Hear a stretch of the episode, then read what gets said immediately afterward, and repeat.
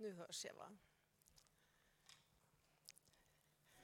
Ja, det är gott att få ses igen. Det är ett par veckor sedan, sedan jag var här sist. Jag har haft lite problem med mina stämband. Det är sånt där som händer. Eh, en gammal skada, men jag tror att det är hyfsat bra nu. Eh, vi ska fortsätta vår vandring genom Lukas evangeliet här. Och, eh, det är intressant med Lukas. För han målar upp bilder och scener. Vi får möta människor mitt i olika vardagssituationer. Mitt i både glädje och sorg och lite olika. Och eh, då tänkte jag på det här med hur man tolkar bilder man ser och scener som spelas upp framför en.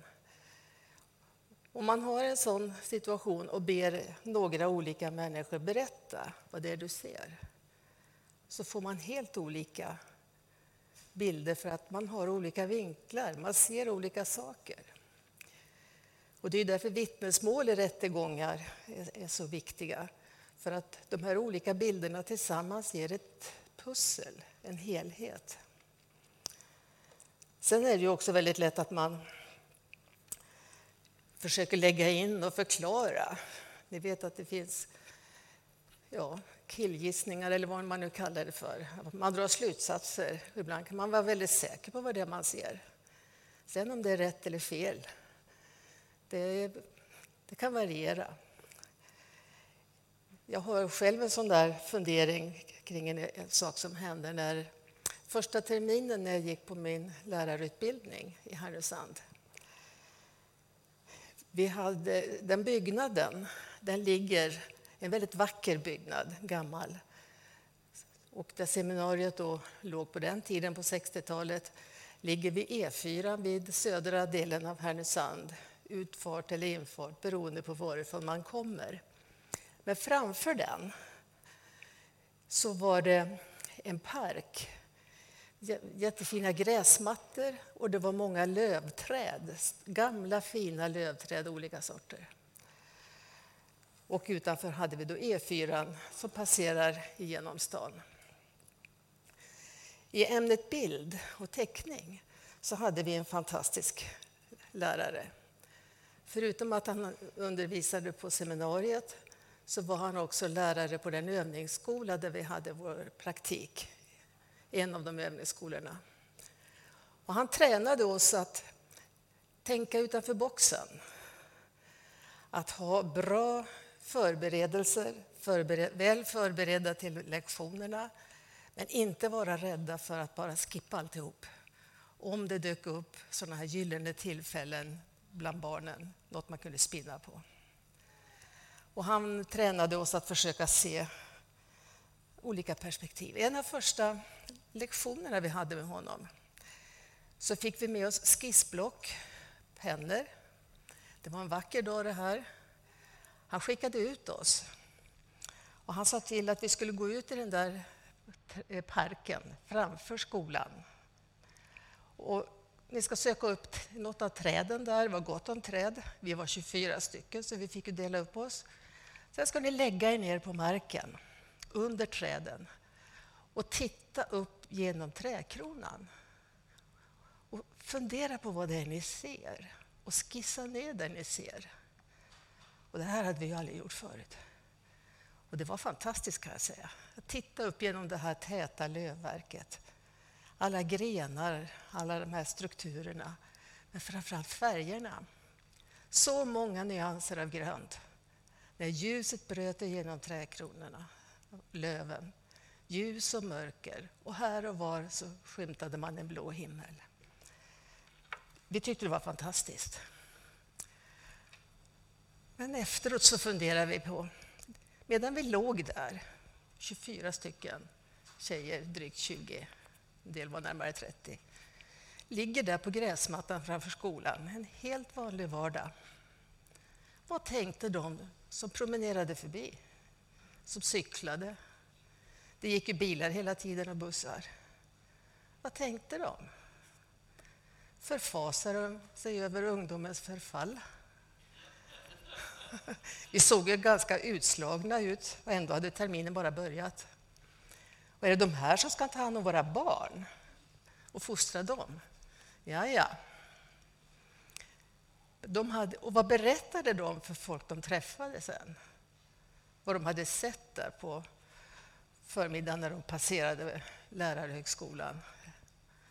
Alla dessa studenter som ligger och plakat på gräset bara stirrar upp i luften. De hade ingen aning om vad vi var med om. Ingen av dem kunde föreställa sig vad det var vi var med om. Vi såg skaparens fingeravtryck, kan man säga.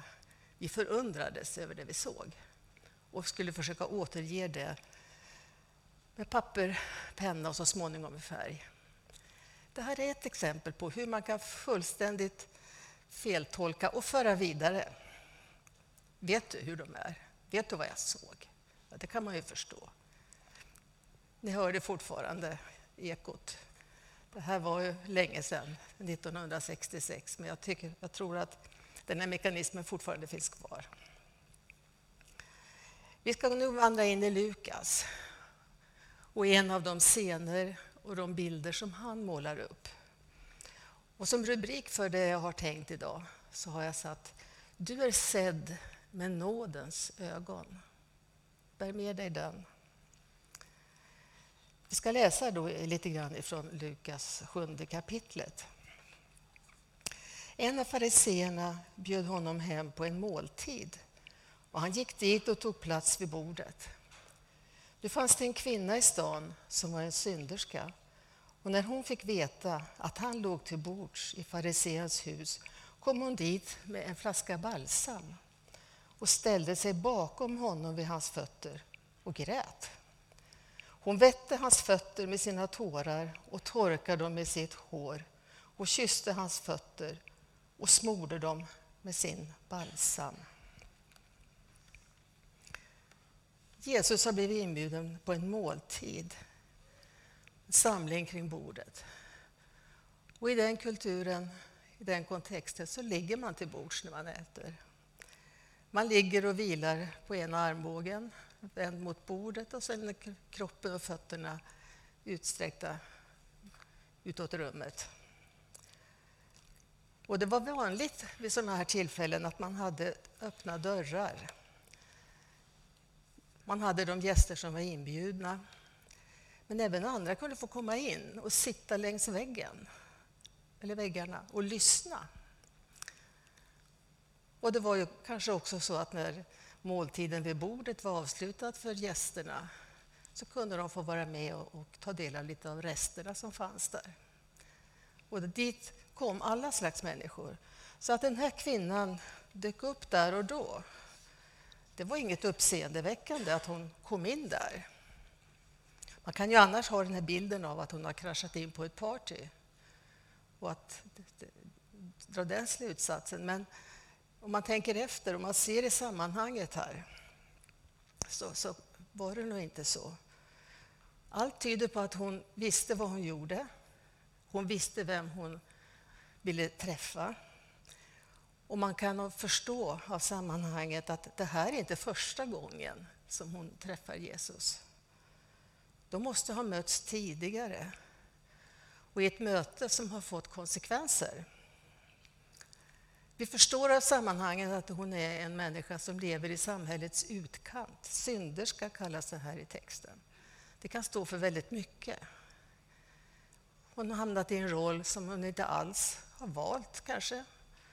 Hon hamnar i ett sammanhang som hon inte alls har, har valt och vill vara i, men hon har inget val. Hon möter mycket förakt. Många som ser, på, ser bort ifrån henne, undviker henne. Kanske ser på henne med, med hot. Hon har hemligheter att hålla därför att hon vet saker. Men så har hon mött någon som ser på henne på ett helt annat sätt. Någon som har en annan blick än de andra. Och hon blir sedd och bekräftad och hon har lyssnat. Och vad vi kan förstå av det här det är att hon, hon har upplevt någonting. Och nu har hon ett stort behov av att få visa sin tacksamhet mot den mannen som har gett henne ett hopp. Lukas berättar inte så mycket om vad som hände innan. Men hon har tydligen en plan här, för hon har med sig balsam i en flaska. Men när hon kommer in där och ser Jesus där vid bordet, då tar känslorna över handen och det blir totalt inte alls som det var tänkt. Hon faller i gråt. Hon gråter floder. Hon väter ner hans fötter med sina tårar och det här blir ju bekymmersamt när hon ska använda balsam, för men någorlunda torra bör de ju vara. Så hon blir förtvivlad och hon försöker styra upp det här och börjar torka hans fötter med sitt hår. Och då blir det ju i åskådarnas ögon bara ännu värre. Det här. För att en kvinna släpper ut håret, det, det är ju verkligen någonting att vara förnedrande. Men Jesus, han verkar veta vem hon var. Och han vet vem hon är, tydligen. Hon säger ingenting, men hennes gärning där, den talar väldigt högt. Och helt förståeligt så blir hon ju ifrågasatt av omgivningen också. Hon är ju stämplad i deras ögon. Vi ska läsa vidare. Farisén som hade bjudit honom såg det och han sa för sig själv om den mannen vore profet då skulle han veta vad det är för sorts kvinna som rör vid honom, en synderska. Och då sa Jesus till honom Simon, jag har någonting att säga dig. Säg det, mästare, sa han. Två män stod i skuld hos en penningutlånare. Den ena var skyldig 500 dinarer och den andra 50. Och när de inte kunde betala så efterskänkte han skulden för de båda. Vilken av dem kommer att älska honom mest? Och Simon svarade, ja, den som fick mest efterskänkt skulle jag tro. Ja, du har rätt, sa Jesus. Simon har, gjort, har bjudit in honom här. Han gör någonting som är lite ovanligt för hans... Han är en av fariseerna. Och många av hans kollegor skulle inte alls göra så här. Man kan förstå att här finns hos Simon en nyfikenhet. För Gamla testamentet, det är också helt, väldigt fascinerande.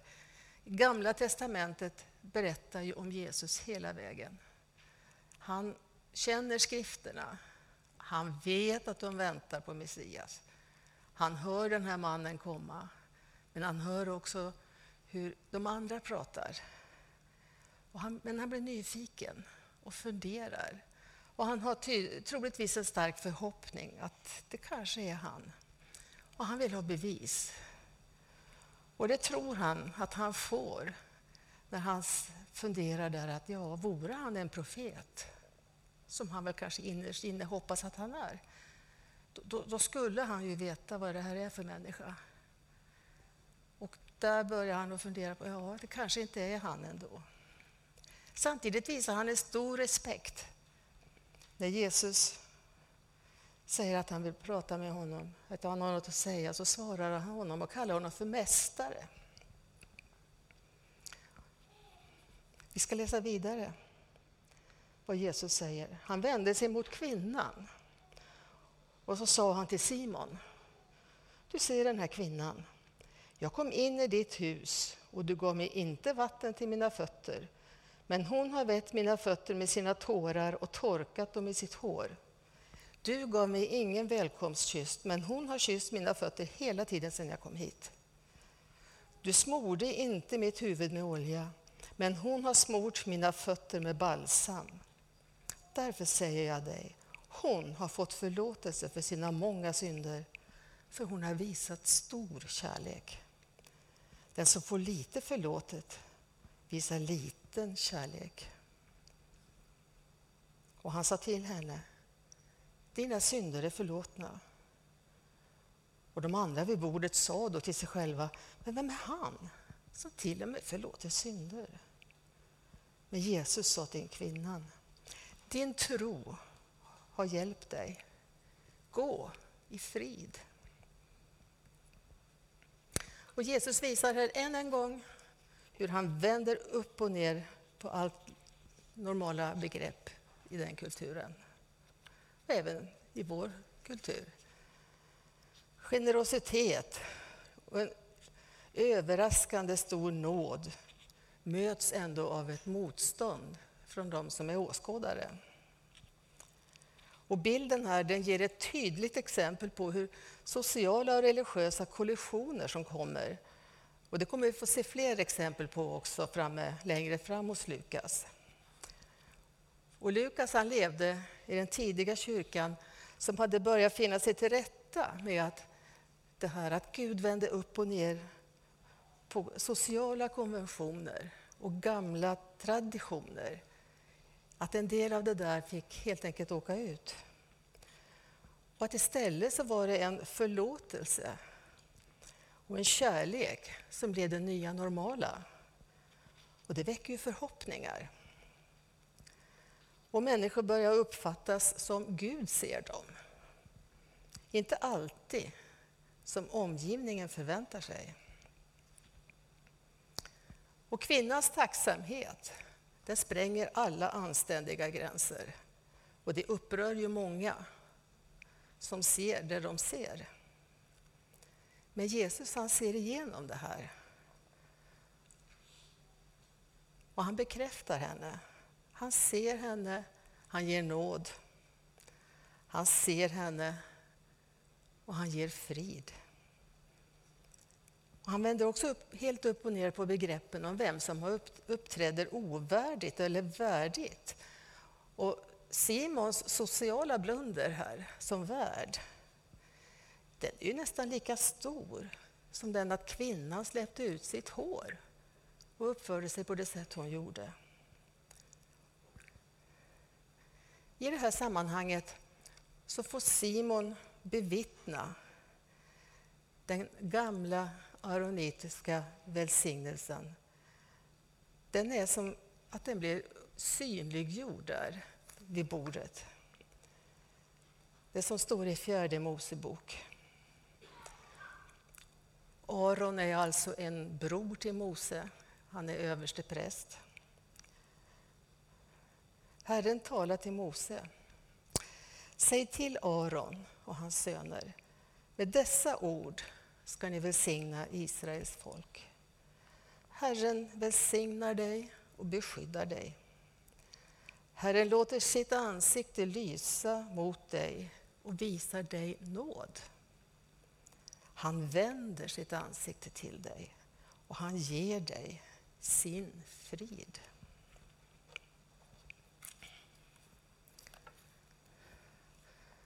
Och Simon har troligtvis tidigare inte riktigt förstått hur oändligt generös Guds nåd är. Och han har lite svårt kanske att verkligen inse, fatta och förstå vad det är han ser. Han ser inte vad det är som egentligen händer i det som synes ske. Och han har på djupet inte riktigt förstått vad förlåtelsen innebär. Men när han hör det här och han ser den här kvinnan, hon kanske inte alls var anonym för honom, han hade sett henne många gånger, visste vem hon var. Kanske börjar han här att ana någonting. Och vi kan bara anta, för Lukas berättar inget mer om honom. Och Jesus han ser möjligheterna i en människa.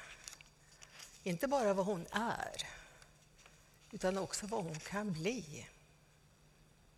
Och det var inte kvinnans handlingar som gav henne förlåtelse, utan handlingarna visade att hon hade en djup vilja att tro och att förlita sig på att Jesus verkligen hade förlåtit henne och upprättat henne. Sanningen hade börjat sjunka in, den hade börjat bli verklig. Och hon ville på något sätt visa och tacka för det hon hade fått. Och hon betjänar Jesus utifrån kärlek och tacksamhet. Men hon ber inte om något. Hon har redan fått. Hon är tacksam för det hon har fått. Men Jesus ger henne också det hon behöver. Bilden som Lukas målar upp ger oss en bild av välsignelsen. Den bön som har följt gudsfolket genom årtusenden och som fortfarande är levande. Jag har ett litet smycke här, jag har visat det här vid något tillfälle tidigare. Det är ett litet minne från Israel. På 70-talet så var det en, en arkeolog från England eller Skottland som ville göra en utgrävning och studera några gravar som fanns vid den skotska kyrkan vid Hinnomsdal i Jerusalem. Och I det arbetet då att göra rent i de här grottorna, att verkligen kunna få se och tidsbestämma, så hade han en medhjälpare som var lite hårdhänt. Och en ung pojke, han var väldigt ivrig. Så han tog en hacka istället för att borsta marken. Och så går det hål. Det visade sig att det fanns under fanns, en, fanns det en grav till som ingen hade upptäckt. Så den var helt ny. Ingen hade varit där och rört någonting. Och innehållet där som man hittade daterade man till 600 år före Kristus. 2600 år gammalt. Bland det man hittade där så var det två små silverspolar som inte var särskilt stora, men de var hårt hoprullade. Och här fick ju då experter gå in att försöka på alla möjliga sätt ta hand om de här utan att förstöra. För man ville ju se vad finns det i de här? Varför det tunna, tunna silvret är rullat? Och man lyckades veckla ut det, rulla upp dem. Och då upptäcker man att det finns inristat en text på båda likadana. Men den var svår att tyda. Men så småningom fick man fatt på en, en eh, språkforskare som kunde se att det här är gammelhebreiska från Arons tid. Och man kunde tolka den här texten och se vad det stod på de här silverplattorna. Det var välsignelsen. Den hade man i små amuletter som man bar med sig och till och med att det här fick följa med i graven. Det här är stort. Det vi läser välsignelsen idag, det är inte bara ett statement här och nu, utan det här har djupa rötter långt bort med starka löften till oss. Det ska vi komma ihåg. Tänk på det när du, när du lyssnar till välsignelsen. Den är till för dig. Aron fick uppdraget att formulera den. Sen har den funnits med gudsfolket genom alla tider. Den här bilden som eh, Lukas målar upp, den säger också någonting mer till oss.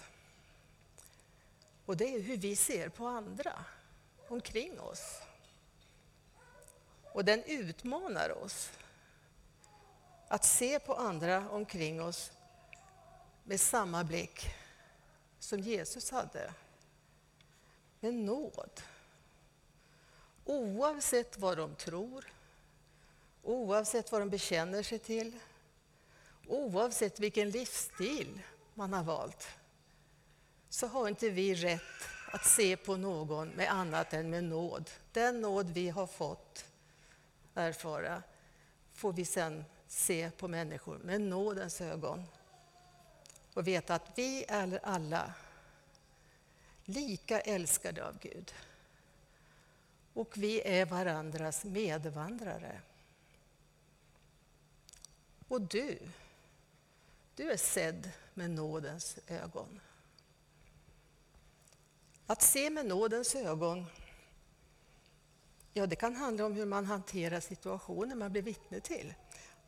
Och när jag står här nu blir jag påmind om när vi satt på pendeltåget, Bosse och jag, på väg ifrån... Vi hade varit inne i stan och var på väg hem till, till Väsby. Och eh, det var på, framåt kvällskanten. Och vi hamnade framför oss, på sätet framför, och intill så var det ett gäng killar. 14, 15, 16 års åldern. Fem, sex stycken. Och de satt där och de höll på att skoja lite med varandra. Och man har den där lärarblicken för att kolla och se, är alla med på det här? Och det kunde vi se, att det var att ge och ta, det var glimten i ögat. Och de började buffa lite på varandra, så man kände att de har suttit stilla alldeles för länge. Och då började de att böka med varandra, ett par av dem där. Och då sa jag till den som satt framför att ni får verkligen vara rädda om varandra, sa jag. Men det är ingen fara, sa han. Det är ingen fara. De leker. Ja, sa jag. Det ser jag. Vi har jobbat i skolan i 40 år. Vi kan sådana där. Och då blev det... Oj, 40 år skola. Respekt. Respekt. Och de satte sig alldeles rakt framför oss. Och de andra satte sig också ner. Respekt. Eh, nu skulle de inte åka så långt. Vi hade hoppats att vi skulle ha fått sällskap. Vi, vi växlade lite ord med dem där och skojade lite med dem.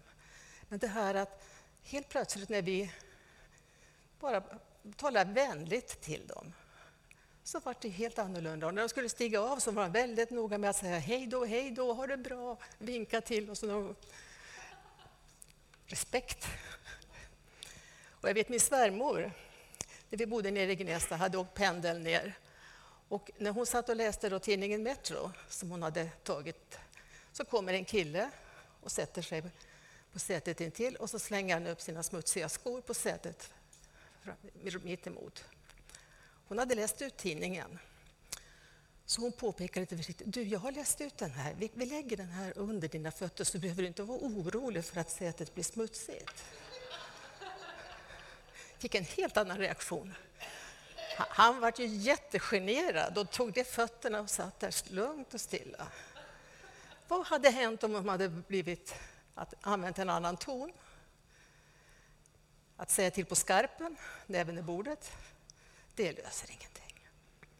Att se med nådens ögon, sen kan man tänka saker, det är en annan femma.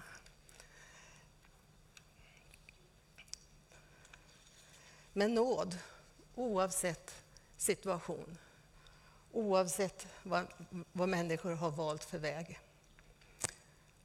Och det här får vi koka ner till oss själva och till dig och mig. Du och jag, vi är genomskådade och älskade av Gud precis som vi är. Och vi får en personlig inbjudan också till gemenskap med honom. Jag läste här i texten när Jesus vänder sig till Simon och säger Simon, jag har något att säga dig. Sätt in, tänk in ditt namn i den här versen. Du, jag har något att säga dig.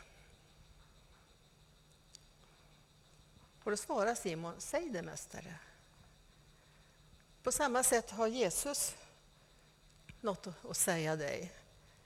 Det finns en vers i Uppenbarelseboken som vi kan citera. Jag står vid dörren och bultar. Om någon hör min röst och öppnar dörren, då ska jag gå in till honom och äta med honom och han med mig. Att dela en måltid, det är nåd. En måltid inbjuder till en gemenskap där man delar vardagen. Man kan prata om ditt och datt, man kan locka fram skratt. Man kan föra djupa samtal. Men en förutsättning här är att man hör hans röst och öppnar och att han får komma in i ditt liv. Och han är beredd att ge dig förlåtelse och upprättelse och välsignelse. Ingenting är för stort. Ingenting är för litet. Han står inte och mäter och graderar och, och på något sätt försöker ha någon gradering på skalan. Däremot så säger han att den som har fått mycket förlåtet älskar mycket, kanske visar det på ett sätt. Det får du tänka på när du möter människor som du tycker nu har de väl släppt taget. Men låt dem göra det. Likadant som barn. Livsglädje är aldrig ljudlös. Det brukar jag säga till mina kollegor i skolan. Och brukar säga hemma också, vi hade barnen. Livsglädjen är aldrig ljudlös, den låter, då vet man ju var de är också. Men det här är också att valet är ditt. Han tränger sig inte på någon enda av oss. Men valet är vårt, det är ditt. Och hur du hanterar din inbjudan, den inbjudan han ger dig, det är upp till dig. Men han ger dig till dig här och nu. Och I slutet av gudstjänsten här så kommer det att finnas förebedjare här ute i loungen som kan vara beredda att lyssna till dig om du vill samtala vidare, om du vill ha förbön.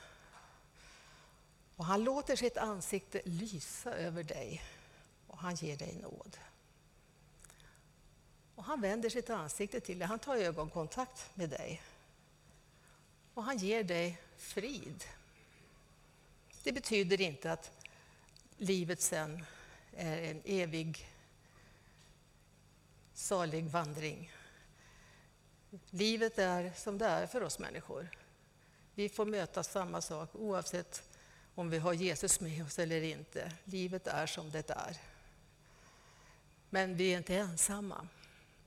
Och mitt i de svåraste passagerna så är han med och bär oss.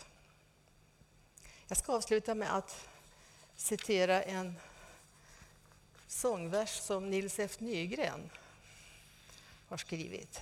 Ni kanske känner till honom, trubaduren, som gick bort för lite drygt 20 år sedan. Men han, han har en sångvers som jag tycker säger så otroligt mycket. Nåd över allt förnuft. Nåd över alla gränser. Allting den överglänser. Nåden som Herren ger. Det finns ingenting som inte nåden kan rå på. Men det är upp till dig och mig att ta emot den gåvan. Vi ber. Vi tackar dig Jesus för den oändliga nåd du visar oss. Den oändliga nåd du har berett åt oss. Och tack att vi får påminna oss, Herre, gång på gång på gång om att den gäller oss också här och nu. Och Herre, jag ber att tacka för att du ska välsigna fortsättningen av den här gudstjänsten. Och särskilt den som sitter här och hör det där bultandet, hjärtat som bultar. Och som undrar, ska jag våga? Kan det räcka för mig? Han skulle ju bara veta vad jag har. Men tack Jesus att du kan låta din Ande få, få visa med kärlek, Herre, att allt är möjligt för dig. Tack att du är hos oss den här stunden. Tack att du möter våra behov med stor kärlek. Du fördömer ingen. Du dömer ingen.